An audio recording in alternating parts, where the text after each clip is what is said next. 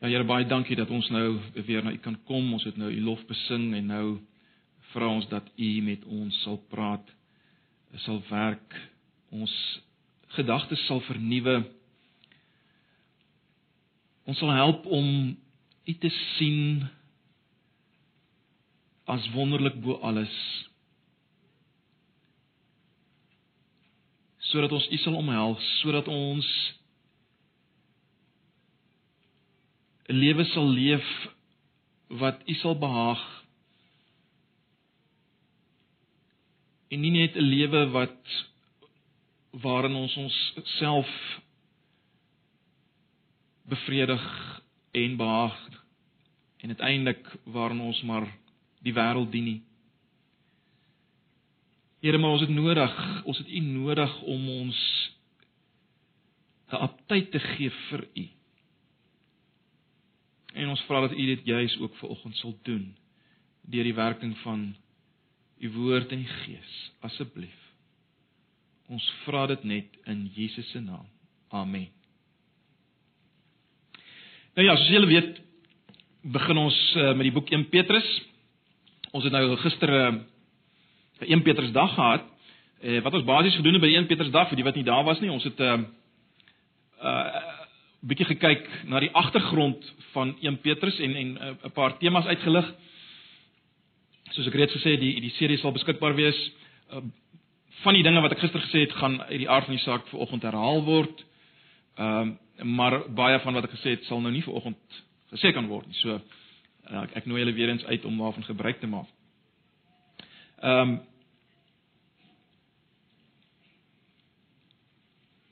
Ja, om terug te kom na die gister, ons het ons het daarna gekyk en dan het ons natuurlik het Saartjie en Dorien uh, vir ons gehelp met uh met die hele manier van Bybelstudie doen, né, om om om werklik te kyk wat staan in die teks self en hoe om dit te ontsluit. So ons 'n bietjie daarna gekyk. Dis natuurlik wat ons gaan doen ook in hierdie jaar in ons selgroepe, die boek 1 Petrus. Ehm um, So ek vertrou werklik dat die Here uh hierdie boek sal gebruik uh om ons werklik te beweeg om hom meer lief te hê mekaar meer lief te hê en om te leef in hierdie wêreld vir hom. Vanoggend uh, gaan ons kyk net na die eerste twee uh, verse van 1 Petrus 1. Ek lees maar die 53 vertaling, ek sal wel verwys na een vertalingsverskil uh, wat in die 83 vertaling voorkom. 1 Petrus 1 vers 1. Petrus, 'n apostel van Jesus Christus aan die vreemdelinge van die verstrooiing in Pontus, Galasië, Kappadosie, Asië en Bitinië. Uitverkore volgens die voorkennis van God die Vader in die heiligmaking van die Gees tot gehoorsaamheid en besprenkeling met die bloed van Jesus Christus mag genade en vrede vir julle vermenigvuldig word. Lees net daai verse. Niemand wil graag 'n vreemdeling wees nie. 'n Vreemdeling is iemand wat onbekend is, wat eenkant is, wat uitgesluit is, wat eensaam is. En dit wil niemand ten diepste nie, né? Ek dink uh, julle sal my saamstem, ons almal het tog 'n begeerte om te behoort. Uh mens vind dit veral by by jong mense, tieners, Uh hulle het 'n geweldige sterk begeerte om te behoort. Hulle wil nie anders wees of uit wees of snaaks wees nie. 'n Vreemdeling in 'n land kan nie stem nie. En as heelwat ander burgerregte wat hy nie het of sy nie het nie. 'n Vreemdeling in 'n dorp of stad het nie eintlik vriende nie. 'n vreemdeling in 'n huisgesin, iemand wat byvoorbeeld uh in 'n buitekamer bly by 'n huisgesin, deel nie in die binneste geheime en die voorregte van daardie huisgesin nie. 'n Vreemdeling in 'n portuïergroep word dikwels gespot, afgekraak, seergemaak. Niemand wil 'n vreemdeling wees nie. Nou Petrus skryf sy brief soos julle sou opgemerk het in vers 1 aan mense wat hy aanspreek as vreemdelinge parepidemos in die Grieks. In hoofstuk 2 vers 11 gebruik hy twee ander terme of een van dieselfde terme en een ander term wat dui op dieselfde. Hy praat van vreemdelinge en bywoners. Vreemdelinge en bywoners, hoofstuk 2 vers 11. Parepidemos en paroikos, vreemdelinge en bywoners. In watter sin was hierdie mense vreemdelinge? Was hulle mense wat onlangs verhuis het na Pontus, Galasië, Kappadosie, Asië en Bitinië? Die hedendaagse Turkye. Is dit mense wat onlangs soontoe verhuis het en en nou is hulle nie daar in die sin dat en en en daarom is hulle nou vreemdelinge. Wel alle aanduidings is dat dat hierdie mense lankal in hierdie gebiede gewoon het. Hulle was ook definitief nie Jode uh wat hierheen gevlug het en nou nog nie hier was en daarom vreemdelinge nie. Ek het gister daarop gewys, ek gaan nie nou daarop uitbrei nie, dat hierdie terme vreemdelinge en bywoners, parabidemos en paroikos in die Romeinse wêreld van die dag het dit die betekenis gehad of is dit gebruik om te verwys na mense wat aan 'n sekere sosiale klas behoort het. Mense wat uitgesluit is van sekere regte en voorregte. Om die waarheid te sê mense wat uh te nagekom is uitgedruk is teenoor wie gediskrimineer is. Ons kry vandag natuurlik nog steeds sekere minderheidsgroepe in lande wat dieselfde beleef. As gevolg van van etnisiteit, ras, etnisiteit word hulle uitgedruk en het nie deel aan al die voorregte nie. So hierdie mense was vreemdelinge en bywoners in daardie sin van die woord, maar meer as dit en die belangrikste, hulle was geestelik gesproke vreemdelinge. En dis baie belangrik. Ek het gesê hulle was nie Jode nie, Ek het wel daarna verwys ook gister dat hulle waarskynlik wel in aanraking gekom het met Judaïsme en veral met die Torah en dis hoekom Petrus natuurlik die Torah, die Ou Testament ook die res van die Ou Testament kan aanhaal uh, as hy as hy met hulle praat, as hy vir hulle skryf. Dis baie duidelik dat hulle grootendeels heidene was, met ander woorde uit 'n heidense agtergrond gekom het of as jy wil nie Jode was nie, né? Wat tot bekering gekom het. Mens sien dit byvoorbeeld in hoofstuk 4 vers 3. Jy hoef nie nou so intoe te blaai nie, kan maar luister of jy kan blaai. Hoofstuk 4 vers 3 lees ons: Want is genoeg dat ons die afgelope lewenstyd die wil van die heidene volbring het, deur te wandel in ongebondenheid, begeerlikheid, dronkenskap, brassery, drinkpartye en ongeoorloofde afgoderry. Dis die ouens wat wie hy skryf, wat uit hierdie agtergrond kom, né? Nee, dis dis baie duidelik nie Jode nie. Dis duidelik dat hulle voorheen soos die ander mense rondom hulle geleef het.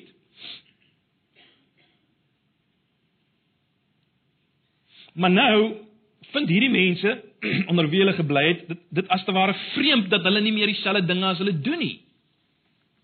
Hulle beskou hulle met ander woorde in 'n sekere sin as vreemdelinge. In hoofstuk 1 vers 18 sien ons dat dat hierdie mense vir wie Petrus skryf se vaders ook 'n soos hy dit noem, ydelle lewenswandel gehad het. Weerens dinge wat nie eintlik van Jode gesê kan word of gesê sou word. So hulle was grootendeels heidene uit die gebied wat aan 'n laer klas behoort het, sosiaal aan 'n laer klas behoort en ook nou Christene geword het. So hulle is ook nou as Christene uitgedruk en daar's teenoor hulle gediskrimineer. So hulle was eintlik in 'n dubbele sin vreemdelinge sosiaal en geestelik. As jy dit so wil onderskei. Hulle het nie behoort, kom ek stel dit so, hulle het nie behoort tot die lewenstyl, die gedagtes, die waardes, die norme, die manier van praat en dink en doen van die mense onder wie hulle self bevind het nie. Uh, dit word nog duideliker as mens byvoorbeeld in Hoofstuk 1 vers 17 lees Petrus sê as jy hom as Vader aanroep wat sonder aanneming van die persoon oordeel volgens elkeen se werk, wandel dan in vrees gedurende die, die tyd van julle vreemdelingskap. Hoofstuk 2 vers 11, ek het net nou daarna verwys, geliefdes, ek vermaan julle as bywoners en vreemdelinge om julle te onthou van vleeslike begeertes wat stryd voer teen die teen die siel. Hulle nie behoort tot die lewenstyl van die mense rondom hulle nie. Kom ek stel dit so, bietjie 'n ander hoek. Hierdie mense was vreemdelinge net soos Petrus wat die brief skryf 'n vreemdeling was. Wat bedoel ek daarmee? Dit is baie interessant as jy die brief gaan lees of al gelees het dat Petrus sê hy groet hulle uit Babylon na aan die einde van die boek in hoofstuk 5 vers 13. In hoofstuk 5 vers 13 sê Petrus ek groet julle uit Babylon. Nou Petrus was definitief nie in die verlate ruïnes van die ou stad in Mesopotamië toe hy geskryf het nie. Nee, Paulus uh, skryf sy brief uit Rome. Maar Rome weet ons word ook in Openbaring as Babylon beskryf. Babylon wat staan vir die anti-God stelsel as te ware as jy dit so kan stel. Maar baie belangrik. Babylon was die plek waar Israel as vreemdelinge in ballingskap was. Ons weet dit, né? Met ander woorde, as as Petrus nou hierdie woord Babylon gebruik, dan herinner hy as te ware op 'n baie interessante manier, herinner hy sy lesers dat hy ook die status van 'n misplaaste persoon het, 'n balling het, 'n vreemdeling in hierdie wêreld het. Hy skryf uit Babylon. Maar goed. Hierdie mense was met ander woorde, behalwe dat hulle sosiaal gesproke vreemdelinge was, ook vreemdelinge omdat hulle soos vers 3 dit stel, wedergebore is. Uh hulle is losgekoop deur die bloed van Christus. Vers 18 en 19 van hoofstuk 1. Om, omdat hulle Christene was, was hulle vreemdeling. Omdat hulle Christene was. Nou, miskien sê jy by die punt, maar Jakobus, wat het dit met ons te doen? Uh dit wat jy nou sê. Hoe raak dit ons die feit dat hulle vreemdelinge was? Wel, ons moet verstaan volgens dat ons wat ons self kinders van die Here noem, is steeds vreemdelinge. Of jy nou as gevolg van ras of agtergrond sosiale teenkanting kry of nie, jy is steeds 'n vreemdeling as Christen. Elke Christen is 'n vreemdeling in 'n wêreldryk waaraan hy of sy nie behoort nie. Ons moet dit hoor volgens. Ons moet dit verstaan as ons 1 Petrus wil verstaan.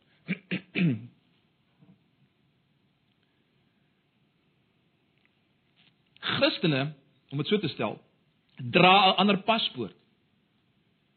Jy dra 'n ander paspoort. Jy's op pad na 'n ander land na 'n ander stad, die stad van God. Jy sien, ons moet vreemdelinge wees in 'n wêreld wat in rebellie is teen God. Ek meen, as dit so is dat die wêreld in rebellie teen God is, wel dan moet ons vreemdelinge hier wees. Dit is baie interessant as jy na die Ou Testament kyk, dat God se mense in die Ou Testament altyd vreemdelinge was. Ek weet nie of julle dit al raak gesien het nie. Dink aan Abraham. God roep Abraham uit Ur van die Galdeërs tot 'n lewe van pelgrim wees, 'n lewe van reis. In Kanaan het hy as vreemdeling gereis, Kanaan, die land van die belofte, het hy as vreemdeling gereis. Luister wat sê hy self in Genesis 23 vers 4. Ek is 'n vreemdeling en bywoner onder julle. Selfe woorde, dis nou net natuurlik in die Hebreëse woorde wat hy gebruik. Ek is 'n vreemdeling en bywoner onder julle. Geen my graf as besitting by julle dat ek uh my dode van my af ehm um, dat ek my dode van my af weg kan begrawe. Maar belangrik, ek is 'n vreemdeling en bywoner onder julle. Dis wat Abraham sê. Jakob, baie interessant. Jakob, as uh, as Josef hom by Farao bring, dan verwys Jakob na sy jare in Kanaan, let wel. Nie in Egipte nie, in Kanaan. Hy verwys na sy jare in Kanaan as die dae van my vreemdelingskap. Genesis 47 vers 9, die dae van my vreemdelingskap. Ons weet in Egipte het die farao uh die volk Israel uitgebuit as slawe, as ongewenste vreemdelinge, as hulle verag en gevrees. Hulle was vreemdelinge daar. Maar nadat God die volk verlos het in die Eksodus, word Israel 'n reisende, wandelende volk wat reis deur die wildernis om dit so te stel na die land van belofte. En en, en dit is dis dis hierdie wildernis ervaring. Julle onthou ons het daarna gekyk toe ons Eksodus gedoen het. Dis hierdie wildernis ervaring wat in die Bybel die model word vir die verstaan van die Christelike lewe. Die Christelike lewe as 'n pelgrimstog, as vreemdelinge wat op pad is. Ons het gesien in Eksodus as jy terug kan dink uh, aan Eksodus Ons het gesien dat dit was in die woestyn, let wel, waar God sy mense ontmoet het, waar hy hulle geleer het, waar hy hulle getoets het, waar hy hulle dag en nag gelei het, waar hy hulle met brood en water uit die rots uh versorg het. Hy het sy tent as te ware onder hulle opgeslaan. Jy sien die die pad deur die wildernis om dit so te stel, deur die vreemde, is die pad van die Here wat na die lewe lei. Jy kan nie daarvan wegkom nie. Ek sê weer, dit was die pad en dit is die pad en dit sal die pad van Christene altyd wees. Moenie dat enigiemand anders jou iets anders vertel nie. Ons het in Hebreërs gesien, Hebreërs 11 vers 13. As die skrywer terugkyk na die sogenaamde geloofshelde in die Ou Testament, luister wat sê hy van hulle. Luister wat sê hy van hulle. In die geloof het hulle almal gesterwe sonder om die belofte te verkry, maar hulle het dit uit die verte gesien en geglo en begroet en bely dat hulle vreemdelinge en bywoners op aarde was. Selfe terme wat Petrus gebruik uh in Hoofstuk 2 vers 11. Paulus sluit by die gedagte aan as hy onomwonde in Filippense 3 vers 20 sê: "Ons burgerskap is in die hemel." Per implikasie, ons is vreemdelinge hier. Per implikasie, ons is vreemdelinge hier. En daarom broers en susters, ons moet dit verstaan, 'n Christen kan en sal nooit tuis wees in hierdie wêreld. Hy kan nooit leef of sy kan nooit leef om vir homself hier 'n wonderlike tuiste te skep. 'n Veilige toekoms. 'n wonderlike neseier bymekaar te maak. Ons moet dit nooit vergeet nie, ons is op pad na Vaderland. En daarom moet jy dit nooit vreemd vind as die wêreld rondom jou jou idees en waardes en opinies en gesprekke vreemd vind nie. Hulle sal dit vreemd vind want jy's 'n vreemdeling. Hulle sal dink, "Wat 'n mons praat jy?" Kinders, die kinders wat jy is by die skool, die ander kinders sal, sal julle vreemd vind. As julle nie saamgesels oor die 18 ouderdomsbeperking fliek en wat daar gebeur het en so mee. Jy wat werk moet dit nie snaaks vind as jy nie deel is van die binnekring se gesprekke en grappe nie. Want jy's 'n vreemdeling. Onthou dit, jy's 'n vreemdeling. Ek weet dit is nie baie populêre gedagte in ons tyd nie, Uh, ons leef in 'n tyd waar waar Christene geweldig hard probeer om in te wees, deel te wees van alles. Dit was baie moeilik om Christene uit te ken in die wêreld. Maar as jy jouself 'n Christen noem, moet jy dit vreemd vind as die wêreld jou nie vreemd vind nie. Want dan is iets fout. Nou onmiddellik moet ek dit sê, ons moet pas op hier vir 'n misverstand. Vir 'n misverstand. Wat ek nou gesê het, die feit dat ons vreemdelinge is, gee ons natuurlik nie die reg om mense rondom ons te ignoreer en te vermy en ons skouers op te trek vir hulle nood en ellende nie. Dit dis nie wat ons sê nie, né? As vreemdelinge En eh, eh, terloops Petrus later in sy brief, ons sal daarby kom, later in sy brief is hy baie duidelik hieroor en baie uitgesproke hieroor. Later in sy brief is hy juis besorg oor ons lewenstyl hier as getuienis van wie God is. Ons lewenstyl en ons woorde moet saamgaan. Verseker.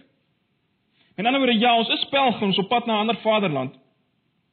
Uh maar terwyl ons hier is, het ons ook die roeping om 'n om 'n om 'n invloed te hê en 'n effek uit te oefen. So dis hierdie twee goed wat ons in balans moet hou. Maar goed, ons fokus is nie nou volgende daarop nie. Belangrik vir oggend. Ons is vreemdelinge in hierdie wêreld, maar dit bring ons by by bring my by die by die tweede punt en dit is uiters belangrik.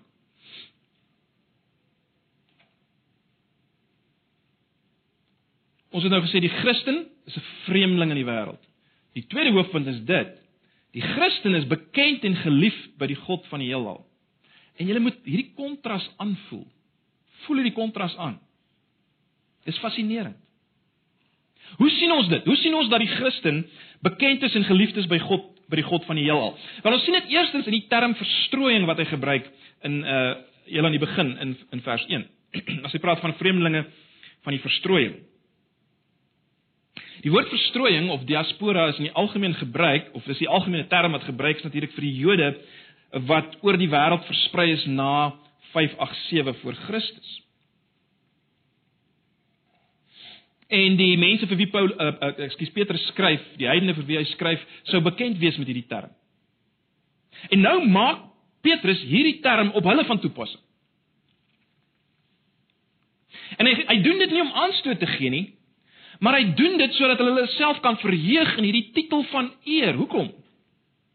Hulle moet verstaan, hulle is diaspora. Hoekom? Omdat hulle God se volk is. Hulle, die heidene, is nou God se volk, verstrooi in die wêreld. In Johannes Evangelie uh, praat Jesus oor die verlore skape van die huis van Israel en die ander skape wat hy moet bymekaar maak. As Petrus nou hier heidene Christene aanspreek as verstrooides, diaspora, dan gee hy hulle as te ware die versekering, hulle is deel van daardie kudde. Hy stel dit nogal redelik eksplisiet in uh, 1 Petrus 2 vers 25. As hy skryf want julle was soos dwaalende skape, maar nou het julle teruggekeer na die herder en opsiener van julle siele.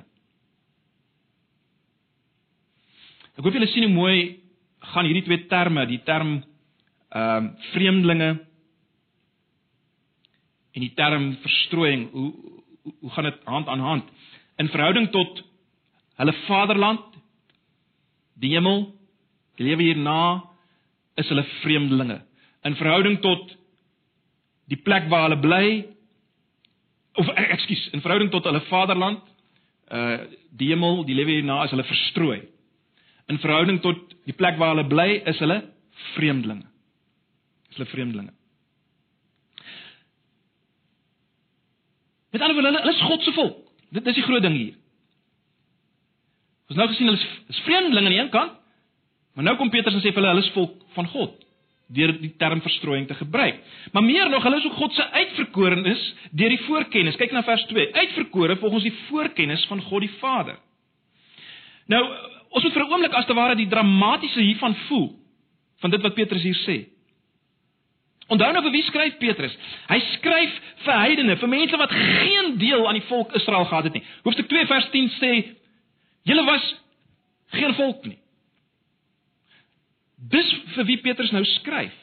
Dis mense wat die ydelle lewenswandel van hulle vaders gevolg het en ons het gekyk na hoofstuk 4 vers 3, mense wat geleef het in begeerlikheid, in dronkenskap, in brassery, in drinkpartye, in ongeoorloofde afgoderry. En nou kom Petrus, Petrus die Christen Jood. Petrus wat heidene as onrein beskou het. As ons terugdink aan Handelinge 10. En hierdie Petrus kom en hy sê: "Julle is God se uitverkorene." Julle is God se uitverkorenes. Wat het so groot verandering gemaak in hierdie harde visserman? Jood visserman. Want die antwoord is Jesus. Jesus het die verskil gemaak. Hy het ewe skielik begin verstaan dat as jy aan Jesus behoort, is jy nou deel van God se nuwe volk, is jy deel van God se uitverkorenes. Ons moet dit raak sien broers en susters. Bedink vir 'n oomblik hierdie feit. Verkies Dink daaroor. sien dit. Verkies deur God.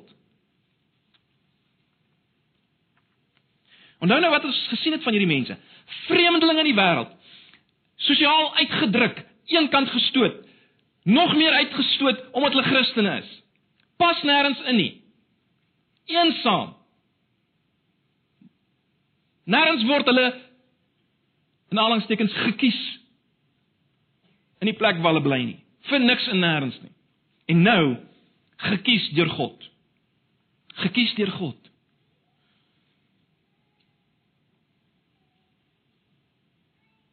Dink vir 'n oomblik aan 'n kind. Ek dink julle julle kan julleself die prentjie voorstel, 'n kind 'n kind by 'n skool, 'n kind wat 'n bietjie anders is as die ander kinders en en en, en nooit uh eintlik deel is van die hoofgroepie nie, dalk 'n liggaamsgebrek het of uh moeilik praat of wat die geval mag wees. As daar spanne gekies word, word hierdie kind nooit gekies nie.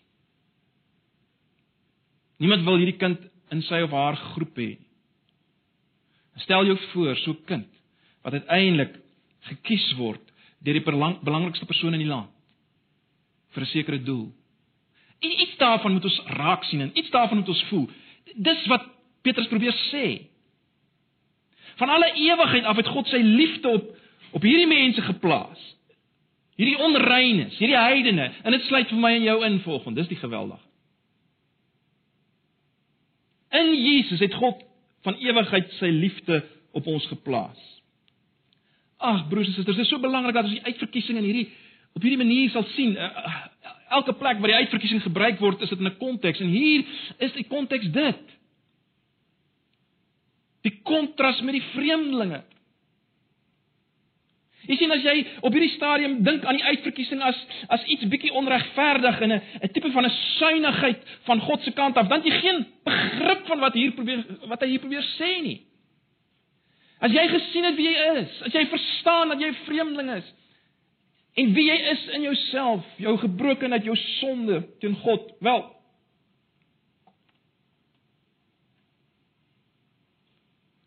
dan jy oorweldig oor die feit dat God jou kies.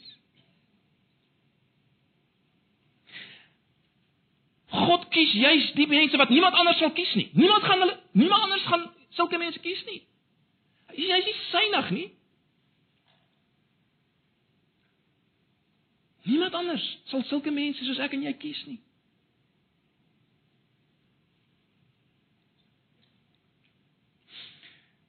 Maar baie belangrik.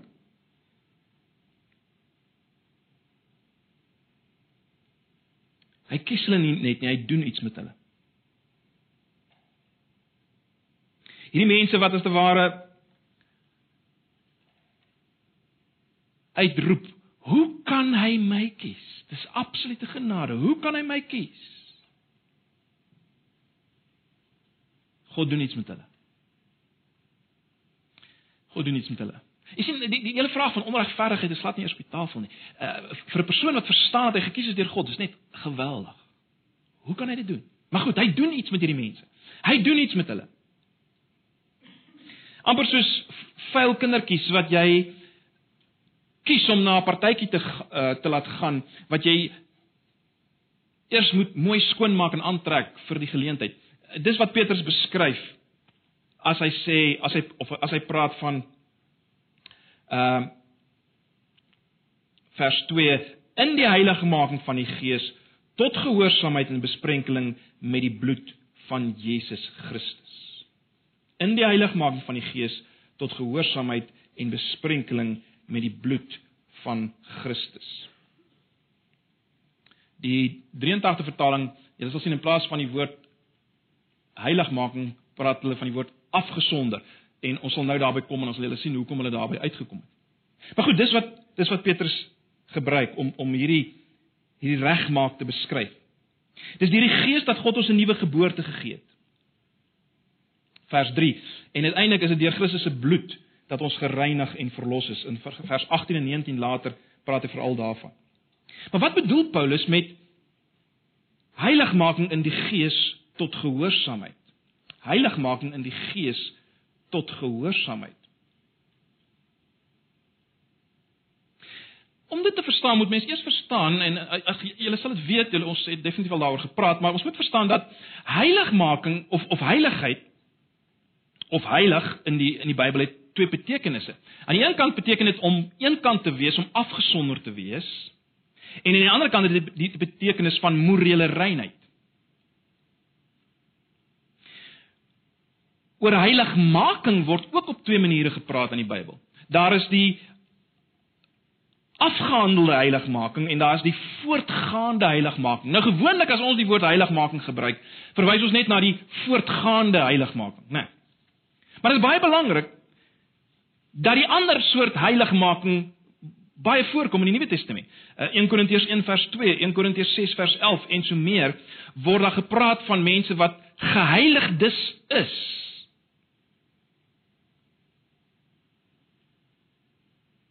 As Petrus hier praat van heiligmaking in die gees tot gehoorsaamheid, dan bedoel hy daardeur, dan bedoel hy daarmee dat gelowiges is eenkant gesit deur God. Dis die heiligmaking waarvan hy praat. Hulle is eenkant gesit deur God. Maar as nie eenkant gesit sodat hulle kan sê, "Joehoe, ek is eenkant gesit. Ek is veilig, ek is gered," of wat geval mag wees nie. Hulle is eenkant gesit tot gehoorsaamheid aan God. Dis die doel waarvoor hulle eenkant gesit is, om nou vir God te leef, vir hom gehoorsaam te wees. So dis waarvan hy praat. En nou sal julle verstaan waar die 83 van uh, vertaling vandaan kom as hy praat van afgesonder deur die Gees tot gehoorsaamheid. Afgesonder deur die Gees tot gehoorsaamheid want uh, heiligmaking hier het eintlik maar die betekenis van afsondering, eenkant sit vir gehoorsaamheid, né? Nee. Maar dis nie al wat God met ons doen nie, met hierdie mense wat hy kies nie. Hulle is ook besprinkel deur die bloed van Christus. sien julle dit? Besprinkel deur die bloed van Christus. Besprenkeling met die bloed van Jesus Christus. Nou, in hierdie frase besprenkeling met die bloed van Jesus, vat Petrus ons terug na baie dramatiese toneel in die Ou Testament, in Eksodus 24 vers 8, na die berg Sinai. Wat kry ons daar? Terwyl die berg geskit het van die teenwoordigheid van die Here het die volk versamel om in 'n verbond met God te gaan. Daar word 'n altaar gebou met 12 gedenkstene waarop 'n offer gebring word. Helfte van die bloed van die offerdiere word op die altaar gesprinkel. Dan lees Moses die woorde van God se verbond en die volk beloof en sê ons sal dit doen, ons sal gehoorsaam wees. En dan sprinkel Moses die res van die bloed, sprinkel hy op die mense wat hier staan. En hy doen dit met hierdie woorde. Hy sê: "Dit is die bloed van die verbond wat die Here met julle gemaak het volgens al hierdie woorde." Jy sien by Sinaï het Israel werklik God se volk geword. Hulle is aan hulle is verbind aan hom in hierdie verbond, hierdie hierdie huweliksverhouding. En nou kom Petrus. En hy sê vir hierdie heidene: "Luister. Julle het eintlik deur wat Jesus gedoen het klaar gehoorsaam geword ook. En julle is deel van 'n nuwe verbond. Jy sien ons as Nuwe Testamentiese Christene is ook besprinkel nie met die bloed van bulle nie, maar met die bloed van Christus. Die altaar wat besprinkel is met sy bloed staan nie voor Sinaï nie. Nee, dis in die hemel. Dis die troon van God self. Gaan lees maar weer Hebreërs 12 vers 24. Uh en ook in Hebreërs 9. Jy sien die bloed van Christus wat gesprinkel is. Kommunikeer maar net hierdie ding. Dit kommunikeer die feit dat God ons aanvaar want sonde is met die dood gestraf en die teken dat dit met die dood gestraf is is die bloed. En nou behoort ons aan God. Hy het ons gekoop deur hierdie bloed. Dit is baie interessant dat Petrus uh hiervan praat en so baie hiervan praat in sy brief. Uh, want jy sien Petrus is die een wat nie wou gehad het Jesus moet gekruisig word. Julle sal onthou toe Jesus praat oor sy kruisiging, toe sê hy: "Nee Here, definitief nie." En dan sê Jesus: "Kom gaan weg agter my Satan, want jy bedink nie die dinge van God nie. Jy verstaan nie hoe belangrik dit is dat ek gekruisig word nie." Nou het hy dit verstaan. Nou verstaan hy. Heidene word nou deel van 'n nuwe onverbreekbare verbond. Heidene soos ek en jy. Word deel van 'n onverbreekbare verbond. Ag, broers en susters, is dit nie geweldig nie?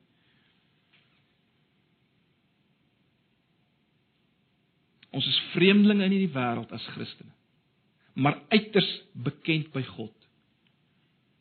Maak dit jou nog opgewonde? Ek wonder of ons dit ons nog opgewonde maak. Ons is so gewoond aan hierdie goed. Ons kan so klinies daarmee omgaan. En ek sluit myself daarbey in. Is ons nog verstom? Hy het my gekies. Niemand wil my hê nie, hy het my gekies. Hy het my afgesonder. Hy het my besprinkel. En ek het deel aan dit alles deur maar net dit te vat, geloof, né? Nee, is maar net om te vat en sê ja, ek aanvaar dit. Hy het dit gedoen. Ek is deel van die nuwe verbond. En omdat dit so is, is ons vreemdelinge met genade en vrede in oorvloed. sien julle die laaste frase? Mag genade en vrede vir julle vermenigvuldig word. Omdat dit so is, omdat ons deel is van hierdie nuwe verbond. Genade en vrede. Mense mense mens wonder, Petrus is dit die regte woorde om om hier te gebruik? Uh, ons het gister gesien dat uh, die vervolging het reeds begin, die vervolging onder die onder die Romeine. Petrus het dit al meer beleef as die ouens uh daar in Pontus, Galasië, Kappadosie en Betinie. Hulle uh, uh, het al meer hy het dit al meer in Rome begin beleef en dit sou nog al erger word. En hy skryf hulle genade en vrede. Kan dit werklik wees?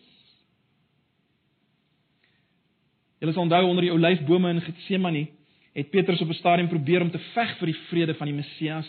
Hy het sy swaard getrek om Jesus te verdedig. Hy was so bang gewees dat uh alle hoop op die messiaanse vrede wat hulle verwag het nou daarmee heen is as Jesus gekruisig gaan word. Maar toe gebeur, gebeur die teenoorgestelde. Deur die dood van Jesus bring hy ware vrede vir sy mense. Kom daar ware vrede tussen hom en sy mense. Dis nie net 'n gevoel nie, nê, nee, ons het in Romeine dit gesien. Dis nie net 'n gevoel nie, dis 'n posisie. Daar's vrede tussen ons en God, ten spyte van van wat ons is. Weereens dink aan die kontras. In 'n wêreld waar ons as Christene geen genade ontvang nie en geen vrede beleef nie. En ons moenie dink nie, kom ons moenie 'n fout maak. Ons moenie dink ons gaan op in Suid-Afrika vrede beleef nie of in die wêreld vrede. Dit, dit, dit is 'n illusie. Dit sal nie gebeur nie. Ons het nie as Christene vrede en genade in hierdie wêreld nie. Maar ons het genade en vrede by God in hierdie wêreld. Dis geweldig. Die kontras weer eens. God se genade en vrede wat soos Filippense 4 vers 7 dit stel, alle verstand te bowe gaan. Dis ons deel in hierdie wêreld. Die wêreld wat ons uitdruk. Ons sal al meer en meer uitgedruk word as Christene. Moenie 'n fout maak nie. Maar ons het die genade en vrede van God.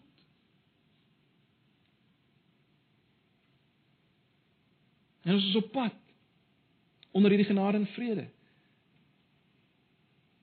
En die Here gebruik ons om ook verander iets van hierdie genade en vrede te gee. Al druk hulle ons uit. Dan staan hulle ons teë. Dis waarvoor ons hier is.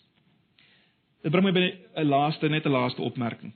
In die lig van alles wat ons nou gesê het, wie is werklik vreemdelinge in God se wêreld? Wie is werklik vreemdelinge in God se wêreld? Is baie ironies, is dit nie? Ons as verstrooides, as vreemdelinge sal volgens Matteus 5 volgens Jesus se woorde uiteindelik die aarde beerwe. Ons sal hierdie wêreld beerwe. Terwyl die ander ouens wat dink hulle kan aanspraak maak op die wêreld as hulle eie Hulle gaan dit verloor op die dag van God se oordeel.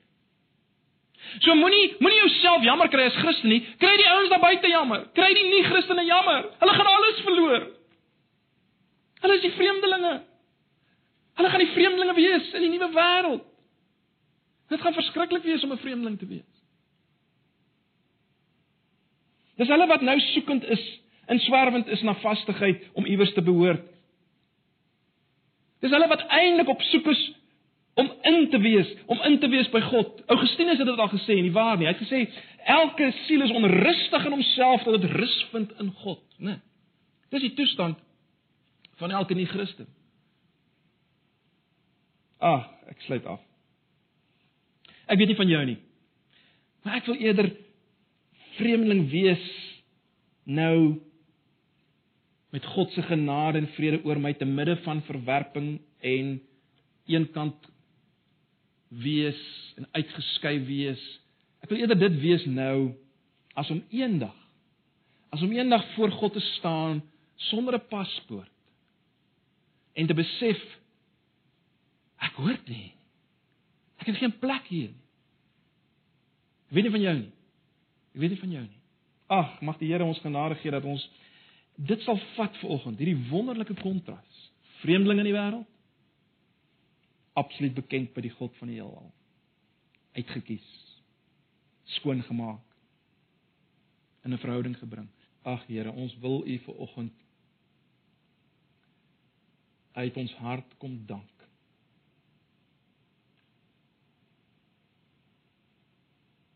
vir dit wat U vir ons gedoen het in Jesus. Ons dankie dat U nie U rug op ons keer nie. Gekeer het. Ons dankie dat U ons gekies het in Jesus. Ons dankie dat U gedoen het wat nodig is om ons aanvaarbaar te maak vir U. Dankie dat U dit nie van ons verwag nie want ons kan nie, maar dat ons sal wil om te leef vir U in hierdie wêreld. As ambassadeurs, as pelgrims wat op tog is, maar wat ook 'n hart het vir hulle rondom ons wat nog nie deel is van van God se mense nie. Asseblief Here, kom en versterk ons en bemoedig ons. Ons vra dit in Jesus se naam. Amen.